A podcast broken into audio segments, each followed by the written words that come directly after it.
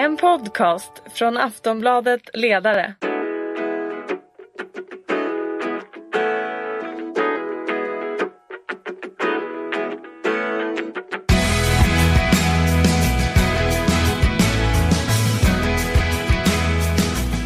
Då har vi kommit fram till slutet på april även om det verkligen inte ser ut så utanför studiofönstret. Eh, det är lönedags eh, förstås igen och det betyder ju också podden Lönedags. Eh, Här hos mig har jag Susanna Lundell från Kommunalarbetaren Jajamän. och Tommy Öberg. Mm. Vi börjar känna igen oss. Ja, det är ju några gånger som vi har kört det här. Några gånger är det. Men det är väl sällan vi har haft en mer intensiv månad att kommentera än, än den som har gått sedan vi träffades senast här. Först hade vi ett treårigt avtal som slöts inom industrin och som ska vara värt 6,5 procent eh, med en liten låglönesatsning. Sen fick vi ett handelsavtal på samma siffror och då trodde väl de flesta att alltihopa egentligen var lugnt. Men sen höll det faktiskt på att bli ett riktigt, riktigt storbråk på hotell och restaurangsidan. Vi kan väl prata lite mer om det senare. Men först skulle jag vilja ha svar på några frågor. 6,5 procent på tre år. Susanna, är det mycket? Alltså jag tycker ändå att det är ganska rimligt. Jag tycker att det landar någonstans där man kunde tänka sig och där vi pratade om här i podden också. På ett treårigt avtal. Så jag tycker det. Man kan säga också att, att det är det lägsta treårsavtalet som är träffat inom industrin under de sista 20 åren. Med ett undantag och det var direkt efter krisen, avtalet 2010. Det hade en något lägre årstakt. Men annars är de här 6,5 den lägsta avtalade kostnaden under de här 20 åren. Så att man måste, jag tycker ändå att man måste säga att det är lågt. Bet- Betyder det att, att det liksom har skett en nerväxling? Det var ju vad man pratade om inför förra, förra avtalsrörelsen. Ja, det är min absoluta eh, uppfattning att, att arbetsgivarna har mm, på ett eh, väldigt genomtänkt och eh, konsekvent sätt alltså spelat med ett antal frågor som har tryckt ner löneökningstakten allt närmre mot två. Deras dröm är säkert att löneökningstakten eller kostnadsökningstakten ska börja med en etta. Men dit har de inte kommit riktigt än. Men, men om man tittar man under de här 20 åren så bör, de första 10 åren så var snittet 2,6, 2,7 och de sista 10 åren så är snittet nere på 2,3, 2,35 någonting. Så att det sluttar verkligen hela tiden. Mm. Susanna, kommer man att klara det här? Alltså, annars man pratar ju alltid om reallöneökningar som, som liksom kärnan i, i avtalsmodellen. Alltså Tommys perspektiv är bra tycker jag. För du har ju det längre perspektivet. Och det, när du sätter det i ljuset som du gör så kan man ju säga att det är viktigt här då att att man står emot. För fortsätter den här sluttande utvecklingen då kommer vi ju ner på väldigt låga nivåer. Så det är ju viktigt då att nu har vi ju treårsavtal så nu vet vi de närmsta tre åren. Men att man sen då inte fortsätter med det du beskriver Tommy för då, då kommer det ju bli problematiskt. Eh, Så att antingen måste man ju st- få någon slags få det att stanna eller då hämta tillbaks lite grann. Men hur det ska gå till det, det vet inte jag. Nej. Nej. Nej, men för, och för ett år sedan så var väl ett av argumenten för att sluta ett kort avtal just att den ekonomiska utvecklingen var så osäker. Yes. Hur mycket skulle penningvärdet försämras? Hur mycket inflation skulle vi få över tid? Och hur skulle det gå med Riksbanken? Vad skulle räntan ta vägen? All, alla de där sakerna. Det har väl knappast blivit bättre det senaste året? Med Brexit och Trump och Nej, osäkerheten eh, förefaller utifrån sett som var i, i alla fall minst lika stor.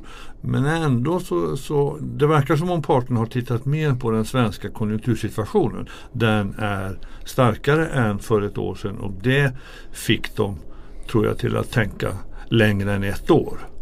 Att det nu är 2 plus 1, för, för om jag nu kommer ihåg rätt så är väl det sista året uppsägningsbart. Men, men det betyder ju nästan alltid att det blir tre år på raken och, om det inte händer någonting väldigt, väldigt konstigt. Så att eh, visst, förra året så pratade vi jättemycket om, om den uteblivna inflationen och annat. Va? Men i år skulle vi väl kunna jaga upp oss över Brexit då eller en ny amerikansk president som alla undrar vad, vad, vad ska det ta vägen och så vidare och så vidare. För de här siffrorna är viktiga också till exempel för Kommunals medlemmar, eller hur Susanna? Så är det absolut. Eftersom man, man tittar på märket och, och följer det. Liksom. Så det, det blir avgörande för kommunalarna hur stora höjningar man får. Mm. Även om man då har tecknat ett avtal innan så, så tittar man ju först när, när det här blir klart. Mm. För det var väl egentligen så det var konstruerat att, att, att det här det bygger på att man följer det här avtalet Ja. och så ligger det då satsningen på underskö, undersköterskorna uppe på det. Precis. Ja, men så, så där har vi nivån. Det, men det är, det är värt att, att, att se att det här handlar om en, en nedväxling som facken delvis har varit med på men som, som också har drivits på av arbetsgivarna. Mm, ja, det är min bild utav, av utvecklingen att de är väldigt konsekventa i sin strävan efter att eh, anpassa detta till det, det de kallar våra viktigaste konkurrentländer. Och de sneglar på, ja, på en handfull utav dem och där de tycker att ja, men att det har, under några år nu så har, det, har vår konkurrenskraft som de säger försämrats och nu behöver vi ta igen den. Mm. Men det är väl också så att man byter just när man pratar om Normalt sett har man alltid talat om Tyskland men eh, Men nu ibland så väljer man Finland när det, när det är Mm. riktigt låga avtal i Finland så är de väldigt populära. Och ibland kan det vara, vara andra länder. Alltså det är, man, man lagar efter läge Mm, kort sagt. och det kanske facket gör också fast Har nog hänt. tvärtom då. Men det här att det, att det blev tre år då, vad betyder det om vi, om vi börjar med för löntagarna? Eh, Susanna, hur tänker du om, om det?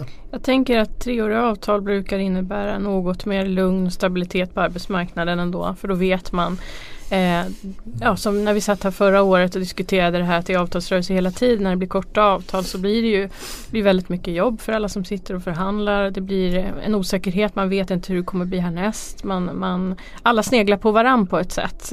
Det blir, så att ett treårsavtal tycker jag ger, ger lite mer arbetsro åt de som jobbar med de här frågorna. Och att löntagarna också vet hur, hur det ser ut, så att säga. Vad kommer jag få? Hur kommer min höjning se ut på ett ungefär i alla fall. Det kan se lite olika ut från avtal till avtal men på ett ungefär. Det här har jag rätt till enligt de avtal som är, man har kommit överens om. Så på så sätt så är det ju treårsavtal bra för arbetsmarknaden och för löntagarna. Mm. För det är ju också så, jag, jag, tänkte, det är ju inte så att, att eh, de här avtals Alltså lönehöjningarna nu faller ut retroaktivt från den här månaden. Det blir inga, inga höjda löner nu utan i, på de flesta håll så fortsätter ju sen och hur ska pengarna precis fördelas mm. mellan olika individer. Mm. Eh, kan det vara en fördel att man då har lite längre tid på sig och, alltså ute på arbetsplatsen? Ja, jag tror det. Att, att, för det här öppnar för möjligheter att, att göra på lite olika sätt. Eftersom man nu vet hur, hur utfallet ser ut för en treårsperiod så kan vissa kommer att lyckas med att ta ut en betydligt större del utav de här samlade löneökningarna redan tidigt. Vilket innebär att, att uh, profilen på avtalet alltså, kommer innebära att det blir olika värt för olika grupper. Andra kommer som kanske har en svagare konjunktursituation just nu att vänta med att ta ut mindre i början och ta mer i mitten eller slutet. Så nu är det liksom vidöppet. Nu kan man göra lokalt en massa mm. intressanta avvägningar som är väldigt anpassade till den verklighet som, som de befinner sig i. Mm. Och det tror jag är en fördel både för eh, de anställda och för företagen. För företagen tycker väldigt bra om att ha överblickbarhet och kunna planera verksamheten. De hatar när de inte liksom vet vilka kostnadsökningar de, de står inför. Mm. Så treårsavtal trots att det, att det finns en massa osäkerhet så är det inte så konstigt att det blev det kanske? Nej, jag tror inte det. Nej. Men om, om vi tar Därför att den, den, stora stridsfrågan som ju då uppenbarligen inte fortfarande är löst trots att alla talade om att, att saker och ting var ordnade. Det är ju den här låglönesatsningen. Tommy, vad var det egentligen LO-förbunden kom överens om när de presenterade det här? Ja, alltså, jag, tycker, jag tycker att alla rör till det i, lite grann i onödan. Det är ju faktiskt inte konstigare än så än, än att man säger att alla som tjänar under 24 000 i månaden räknas som om de tjänar 24 000 när man samlar ihop pengarna till den lokala potten. Mm. Det betyder inte att var och en är garanterad den höjningen. Men man bidrar med det beloppet till den påse som man sen förhandlar om. Och det var viktigt för LO-förbunden för att det innebar att sannolikheten för att de som då tjänar 22 22,5 eller 23 ska få några kronor till ökar med den här konstruktionen på låglönesatsningen. Så att, eh, och det är alldeles tydligt att, eh, att det finns lite olika tolkningar eller försök till tolkningar av vad de har kommit överens om. Men, men redan på presskonferensen eh, hos teknikarbetsgivarna så accepterade ju även de detta och sa att det här är en konstruktion vi kan leva med för att citera deras förhandlingschef. Och tydligare än så kan det väl inte sägas. Det här är en modell som Alltså det blir några kronor extra som de bidrar med som tjänar lite mindre. Det var inte konstigare än så och det var LO-samordningens shit den här gången. Å andra sidan på samma presskonferens eh, så sa ju också Anders Weijer då, alltså förhandlingschefen hos Teknikarbetsgivarna att, att eh, det landar på 6,5 procent. Alla avtal landar på 6,5 procent. När man pratar med, med förhandlare till exempel från industrins fack så säger de att det är klart att det inte kan göra det. Om man, Nej, tjänar, det är matematiskt omöjligt. Om man tjänar väldigt olika på ja. olika avtalsområden så ja. kan inte eh, alla avtal landa på exakt samma tiondel. Nej det avgörs ju ytterst av hur många det finns som på en förbundsområde eller på en arbetsplats har löner under 24 000. Mm. Är de många då kommer procentsatserna stiga med någon enstaka eller två tiondels procent. Och är det få då blir det 6,5 rakt av. Mm. Det är inte svårare än så. Varför, varför, är just den här låglönesatsningen så viktig Susanna för, för LO-förbunden? Den är det för framförallt de kvinnodominerade förbunden som Hotell och Restaurang till exempel. Där har man ju väldigt låga löner i genomsnitt. Jag tror de ligger runt 20 000 kanske och då, är, då pratar man om heltid. Då får man vara på det klara med att många inte får heltidsjobb utan jobbar deltid och så vidare så att lönerna är egentligen ännu lägre. Och då är det ju väldigt viktigt för de här eh, mest lågavlönade att få till en sån satsning. Annars så är det ju så att gapet till industrin kommer bara fortsätta öka och det är väl därför man har sagt det här. Och det är därför man har kunnat komma överens om det här också tillsammans inom LO. För att det finns ju lågavlönade även inom andra så att säga, sektorer och mm. på andra avtalsområden. Men framförallt då hotell och restaurang och även en del av Kommunals medlemmar. Så. Ja, men för, för industrins del, det vet jag ju att när man har pratat med dem så, så är det klart att det skiljer ju också oerhört mellan om man tar IF Metall till exempel eh, petrokemiavtalet eller eh, å ena sidan eller Stål och gruvor. Ja visst och så, och så tittar man på eh, tvätterierna yes. å andra sidan eller bilverkstäderna så, så blir ju Stora skillnader. Ja. Så det är klart att redan där måste ju har ju avtalen helt enkelt gett lite olika mm. mycket då. Mm. Det är väl också, det var ju, jag pratade med någon företrädare för IF Metall just som, som sa att eh, för en gångs skull så fick vi inte skäll när vi kom till LO eh, efter det här, här avtalet. Så att de tycker väl att de verkligen har levererat men det mm. tyckte ju då kanske inte riktigt arbetsgivarna på, i besöksnäringen. Hotell och restaurang, Visita. Det är ju ett, en, ett område som, som du har eh, mm. arbetat med Susanna. Vad, vad var det de Eh, vad var problemet egentligen? Eh, Egentligen handlar det väl om 124 kronor om jag har förstått det hela rätt. Mm. När man så att säga räknar på det här. Så det var ju inga stora summor. Men det är väl just det här med man har haft, trots det som, som du berättade om tidigare Tom, så har man haft olika syn på vad det här med, med låglönesatsning faktiskt ska innebära. Ska det rymmas inom märket eller inte? Och det, här blev det tydligt att här hade man inte samma bild helt enkelt.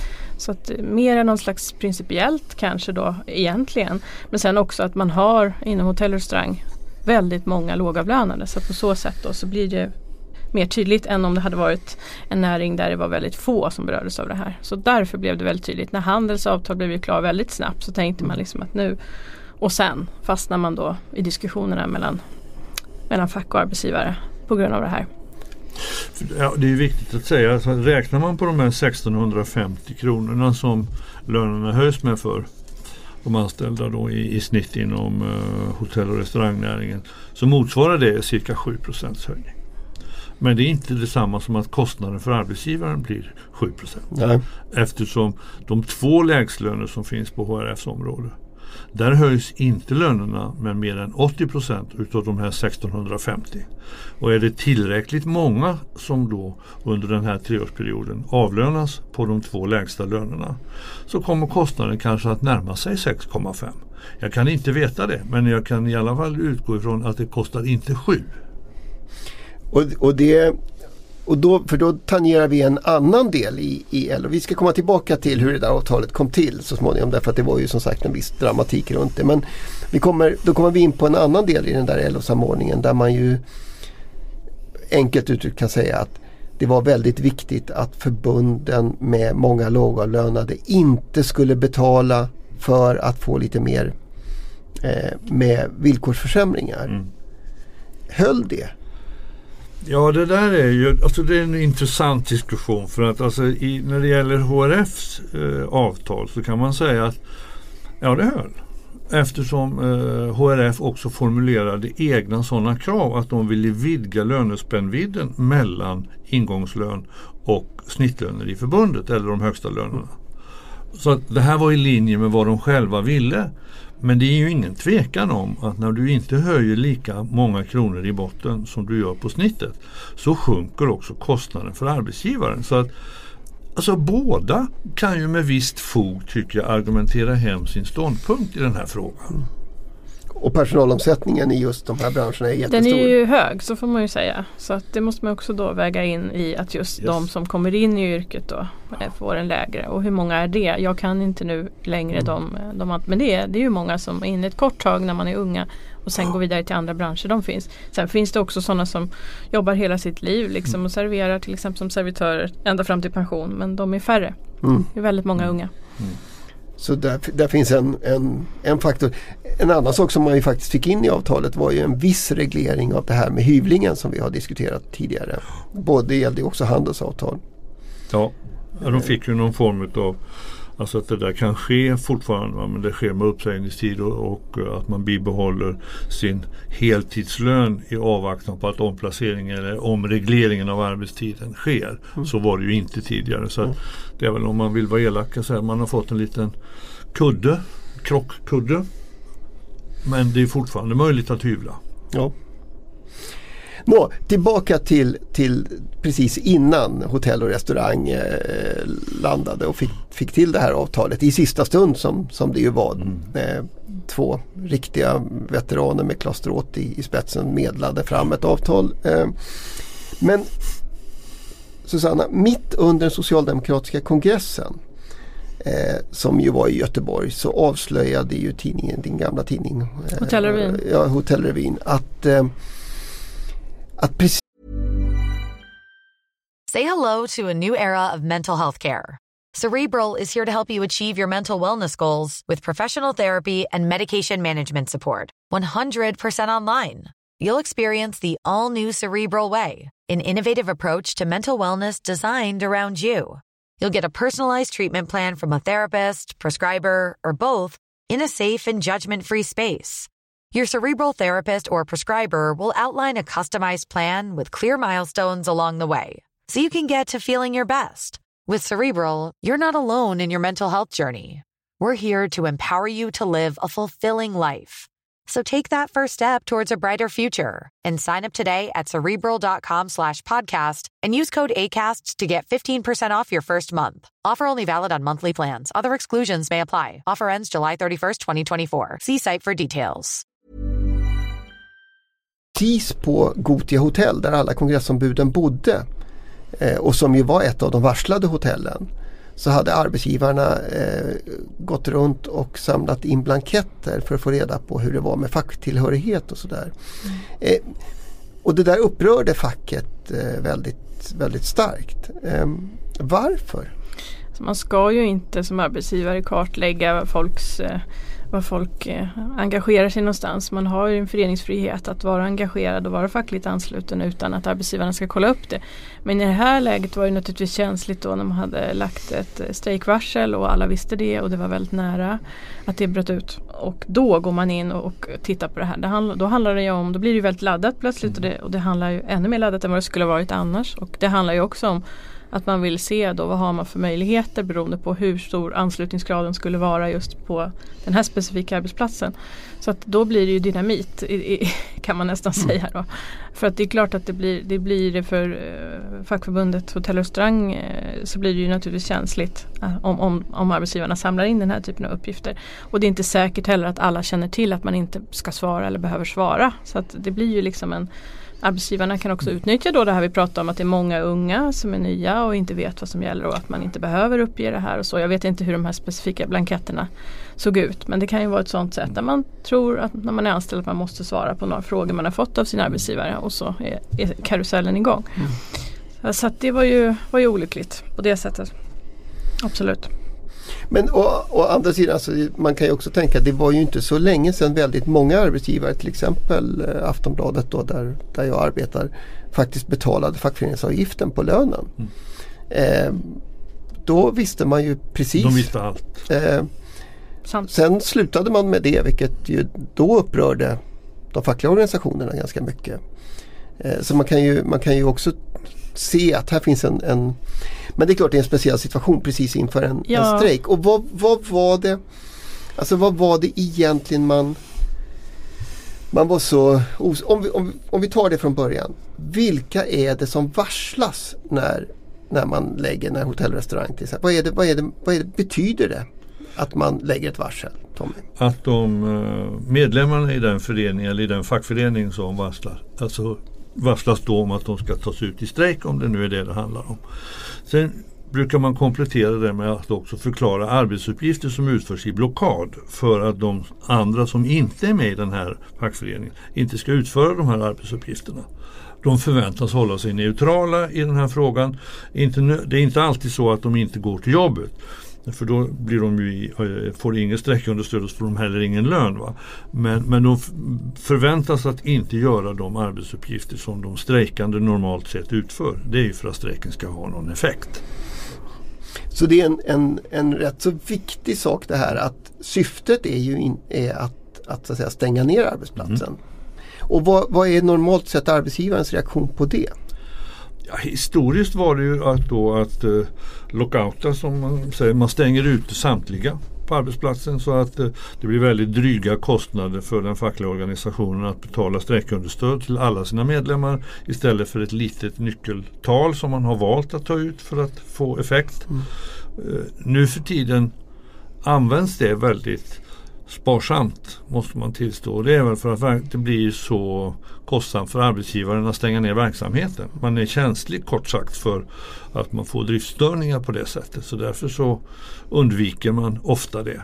Det som händer är ofta det de kallar spegellockouter, alltså arbetsuppgifter som som störs utav, av konflikter, där eh, lockoutar man de som utför dem. Men inte, man stänger väldigt sällan en hel arbetsplats på det sättet mm. som man kanske gjorde för 30 år sedan. Så syftet, syftet med en sån spegellockout är kort sagt att man inte ska behöva betala lön Exakt. till folk som inte har något att göra därför ja, att man ändå inte kan ta emot några ja, och gäster. Pressa, och pressa facket till att få dryga kostnader. Mm. Eh, och, och att man då har valt att att för hotell och restaurangs varsel gällde ju några stora hotell i huvudsak. Mm. Hur kommer det sig? Därför där har man hög organisationsgrad och många medlemmar. Så de här hotellen är ju utvalda och arbetsplatserna av ett skäl. Nämligen just det att många är anslutna och då får man ju sin ersättning ifrån facket. Man får konfliktersättning om det blir strejk så att man har en inkomst så att säga. För det är ju så att det finns, det finns ett tryck i de arbetsplatserna mm. i just där och det finns ganska goda förutsättningar ja. att verksamheten inte kommer att fortsätta som om ingenting har hänt. Precis Exakt. och det är ju naturligtvis om man då räknar på pengar i det här så är det ju mycket pengar med hotellnätter och så vidare om man inte kan hålla igång ett hotell. Så att det är därför man väljer de här. Mm. Mm. Mm. För, för, just den här situationen med strejk den är ju ganska ovanlig idag. Ja. Alltså både för arbetsgivare och, och fackliga organisationer. Ja det är väl snart ingen som minns hur man gör. Det är ju så ovanligt. Det är ju på ett fåtal områden som det har varit några omfattande konflikter sedan, ja man får väl nästan gå tillbaka till kommunal stora konflikt 2003 och efter, tidigare än den så är det väl strejken och storlockouten 1980. Alltså, och, och, de allra flesta som idag är verksamma på arbetsmarknaden var ju inte med på den tiden. Så ingen vet väl hur man gör eller hur det går till. Så ovanligt är det faktiskt. Mm. Och det blir, blir väldigt tydligt och jag har ju varit på en del utav mindre arbetsplatser där man då har krävt att få eh, kollektivavtal och det helt enkelt har varit väldigt svårt att, att komma överens om hur man ska göra. Mm. Är det det också som speglades i den här väldigt eh, liksom upphetsade stämningen i, eh, mellan fack och arbetsgivare på, i besöksnäringen? Att man så att säga anklagade varandra för att göra fel helt enkelt. kan säkert också finnas där. Eh, man, man har ju haft ett lite hårt klimat kanske där med, i förhandlingarna mellan Visita och ORF. Eh, och det, det kan säkert ha märkts där också. Mm. Det finns ju ytterligare en sak som vi, som vi kanske i, i det här sammanhanget och som möjligen hade betydelse och det var ju att eh, fackliga organisationer, andra, andra LO-förbund dels faktiskt eh, varslade om sympatiåtgärder och dels kanske ännu mer tungt varnade för sympatiåtgärder. Eh, IF Metalls Anders Färbe talade ju om tunga varsel. Eh, och att det skulle bli blodigt om det här eh, gick till verkställighet. Det, det är ju Mm. ett målande språk. Men, men vad, alltså vilken betydelse har sympatiåtgärderna i systemet för att det här ska fungera? För att en strejk till exempel ska få effekt? Alltså med jättestor betydelse skulle jag säga. Inte minst för ett, ett fackförbund typ HRF som i sig inte är alltså så starkt som många utav de andra med högre organisationsgrad. Och kan du då lägga sympativarsel till stöd för HRF som kan drabba allt ifrån byggnäringen till detaljhandeln till transporter till, ja, till, även då till industrin som ju hotade med detta så växer ju trycket något alldeles oerhört på Visita att försöka komma överens med sin motpart så att inte de andra arbetsgivarna också drabbas. Så trycket växer från alla håll när sympativarslen läggs. Och så är det ju. Och LO-samordningen har ju, nu har man ju haft den och nu stöttar man varandra. Det är också intressant tycker jag att se hur man har använt sociala medier i det här. Vi backar HRF och sådär. Så har alla gått ut med olika ja, kampanjer på, på Twitter och på Facebook och så vidare. Och då, då blir det ju väldigt tydligt att den här samordningen är stark och betyder mycket. Men om man också börjar tänka på hotellets olika andra yrkesgrupper som finns. Liksom att ingen hämtar sopor, ingen gör någonting och så vidare om det här. Och då, då blir det ett väldigt tryck. För man kan väl säga att det finns ju två, två nivåer på, på just det här med sympatiåtgärder. Den ena är den som, som, som, då, som du beskriver Susanna, Mm. där, där man slutar att leverera eh, elektrikerna slutar att laga strömmen eller byta propparna och, och, och, och renhållningen slutar att hämta sopor och sådär. Alltså det påverkar verksamheten direkt. Men, men det Anders Färbe pratade om det är väl nästan en nivå till där, där man faktiskt hotar och, och gör ekonomisk skada på företag som inte direkt är knutna till Absolut. Hotellet. Men där som man kan tro har inflytande ändå. Mm. Visst är det så. Man kan väl tänka sig att det finns en del stora bilföretag till exempel som har ett visst inflytande på god, Gotia hotell. I, Kan det vara? Enstaka bilföretag kan finnas. Eh, så kan det vara. Sen måste jag ju eh, ändå fråga. Eh, det är väl två arbetsgivarorganisationer som har, har liksom framstått ofta som de mest eh, konfliktbenägna eller, eller komplicerade i, på senare år. Den ena heter ju Visita då som, som vi har. Den andra heter ju Almega. Eh, och det där kan man väl diskutera. Nu är det ju så att i Visita sitter Maud Olofsson som ordförande. Och hos Almega är Anna-Karin Hatt, den tidigare centerministern, eh, verkställande direktör. Vi, vi har ju ibland pratat om att det kan vara svårt att gå från den fackliga verksamheten till politiken därför att det är lite andra villkor. Kan det vara så att det också är svårt att gå från politiken till det fack eller till, till så att säga, arbetsmarknads eh, uppgörelser därför att det är andra villkor. Att man tar med sig ett mer konflikt. Ja, jag inbillar mig att, att det är svårt åt båda håll. Och huruvida de här två centerpartistiska statsråden, alltså eh, vilken betydelse det just har att de eh, har tidigare varit aktiva i Centern. Det är väldigt svårt att, att uttala sig om. Men det finns en grundläggande konflikt eh, på arbetsgivarsidan som alldeles för sällan uppmärksammas. Där ju just, inte minst Almega, är banerföraren för en helt annan uppfattning om vad kollektivavtalen egentligen ska vara än vad som finns hos, låt säga industrin. De vill ha, alltså Almega vill ha strippade kollektivavtal. De kallar det att vi vill modernisera kollektivavtalen. Alltså färre frågor ska regleras i de centrala avtalen. Mer ska lämnas för de lokala parterna. Allt i akt och mening att göra kollektivavtalet så attraktivt så att många idag arbetsgivare som står utanför kollektivavtalssystemet ska bli liksom intresserade av att teckna kollektivavtal. Och det ska ske genom att då färre saker är reglerade. Mot den uppfattningen står det som den traditionella industrin företräder. Och det kan förklaras till en del utav att de har väldigt starka motparter också på industrisidan. Så det är inte så lätt att driva en sån linje som Almega ofta gör sig till tolk för. Och man ska också komma ihåg att det är Almega som i, i, eh, alltså historiskt har träffat det första sifferlösa avtalet på svensk arbetsmarknad med, med ledarna 1992. Och det har sen, sedan dess varit en slags ledstjärna för den verksamhet som de driver. Jag tror också att, att industriarbetsgivarna skulle nog vilja ha en del utav det. Men de har en annan verklighet att tampas med. Men det här alltså, det, det skapar spänningar i arbetsgivarvärlden. Det, här. det är ingen tvekan om att det är så. Mm. Jag kan vara från egen erfarenhet när jag jobbade på Television och jämföra med alltså, hur Visita, hur, hur, hur tonläget är idag mot hur det var då under Mats Hult och Ulf Adelsohn var det som var på den tiden. Det är en väldig skillnad, mycket mycket hårdare tonläge och sen exakt då det kan säkert ha med det Tommy berättar att göra. Men också på person, att man är olika sorts personer helt enkelt. Eh, tror jag. Och det, det påverkar ju hela förhandlingsklimatet så. Det blir mycket hårdare tongångar och mycket svårare att få till stånd ett avtal. Så. Sen är det väl klart, man kan också tänka sig att, att olika branscher eh, så väger intressena lite olika. Mm. Alltså marknadskrafterna. Om man har en bransch med stor, stor personalomsättning till exempel och, och kanske på en del yrken inte så höga formella kvalifikationskrav. Så betyder det väl att, mm. att det kan vara mer attraktivt att slippa normer och, mm, och sådär och kunna, eh, kunna eh, få ner. Men eh, vi ska alldeles strax avsluta men jag måste bara fråga Tommy, den, alltså den här synen på kollektivavtal därför att eh, det låter ju som man inte väger in fredsplikten som en faktor egentligen när man då säger att avtalen ska vara attraktiva.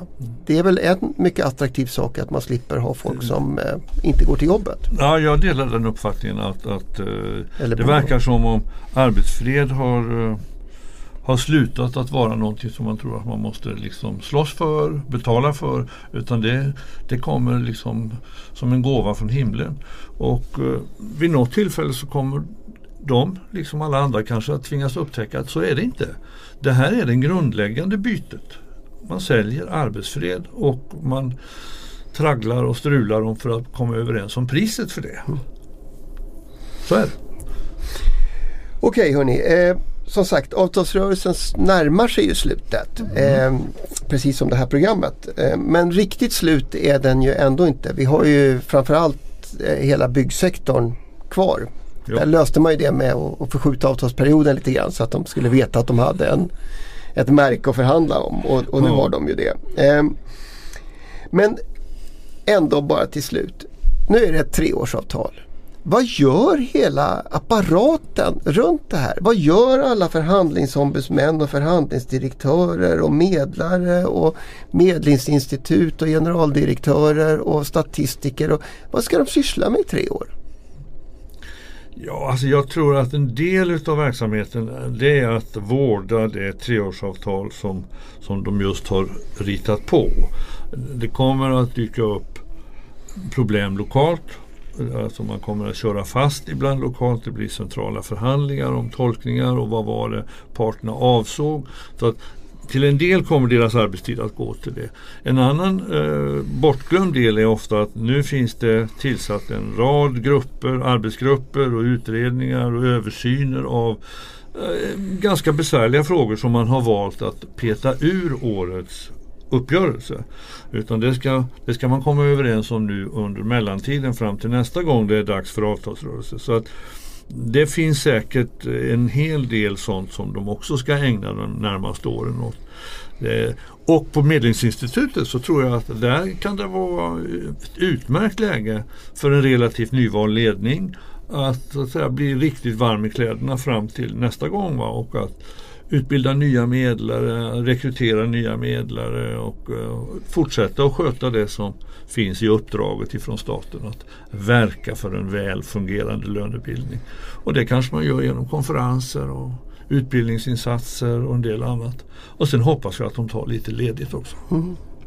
Det kan de behöva nu när det varit också så många korta avtalsperioder innan. Ja. Och sen ska man komma ihåg att alla avtal är inte klara än. De kommer ju bli det snart. Men Kommunal som har så till exempel många avtalsområden så är det ju fortfarande avtal som ska bli klara. Mm. Det finns ett gäng där som de håller på med. Så att, eh, det, finns, det finns och sen som Tommy säger att titta framåt också. Vad kommer att komma? Det tror jag är jätteviktigt. Vi ser ju flera frågor här där man har haft svårt att komma överens. Och de kommer ju komma tillbaka igen de frågorna. Till exempel om arbetstidens förläggning och sådana saker. Så jag tror att där behöver man ju slå sina kloka ihop ihop och fundera på framtiden. Arbetet fortsätter. Yes. Eh, tanken är väl att också lönedags kommer att träffas eh, åtminstone en gång till innan vi kan ta sommarledighet här. Eh, då ska det väl förhoppningsvis inte snöa utanför studiofönstret. eh, och då ska vi dessutom förhoppningsvis kunna summera eh, avtalsrörelsen 2017. Ja, det tror jag. Stort tack Susanna, tack. Tommy och till er som har lyssnat. Eh, då är det lönedags för den här gången.